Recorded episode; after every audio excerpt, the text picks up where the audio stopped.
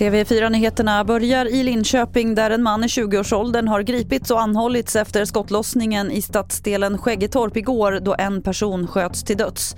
Det var vid halv sex-tiden igår kväll som polisen fick larm om höga smällar och en skottskadad man hittades utomhus. Han fördes till sjukhus men hans liv gick alltså inte att rädda. Ett privat assistansbolag, Lystra, kan komma att säga upp personal som vägrar vaccinera sig mot covid-19. Det här rapporterar SR idag. Är man inte vaccinerad kommer det göras upp en handlingsplan för den anställde som i värsta fall kan leda till uppsägning. Facket Kommunal säger att de inte tycker det låter så genomtänkt.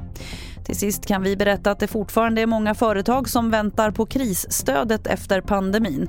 Handläggningen för permitteringsstöd drar ut på tiden och risken finns att många, framförallt mindre företag, kommer att tvingas ge upp. Liselott Argulander är jurist på Företagarna. Jag tror tyvärr att det kommer vara en hel del företag inom tjänstesektorn som kommer liksom få ge upp därför att det inte har kommit några beslut eller pengar från det här stödet. Det som skulle vara ett krisstöd är inte riktigt ett krisstöd. Och fler nyheter finns på tv4.se. Jag heter Lotta Wall.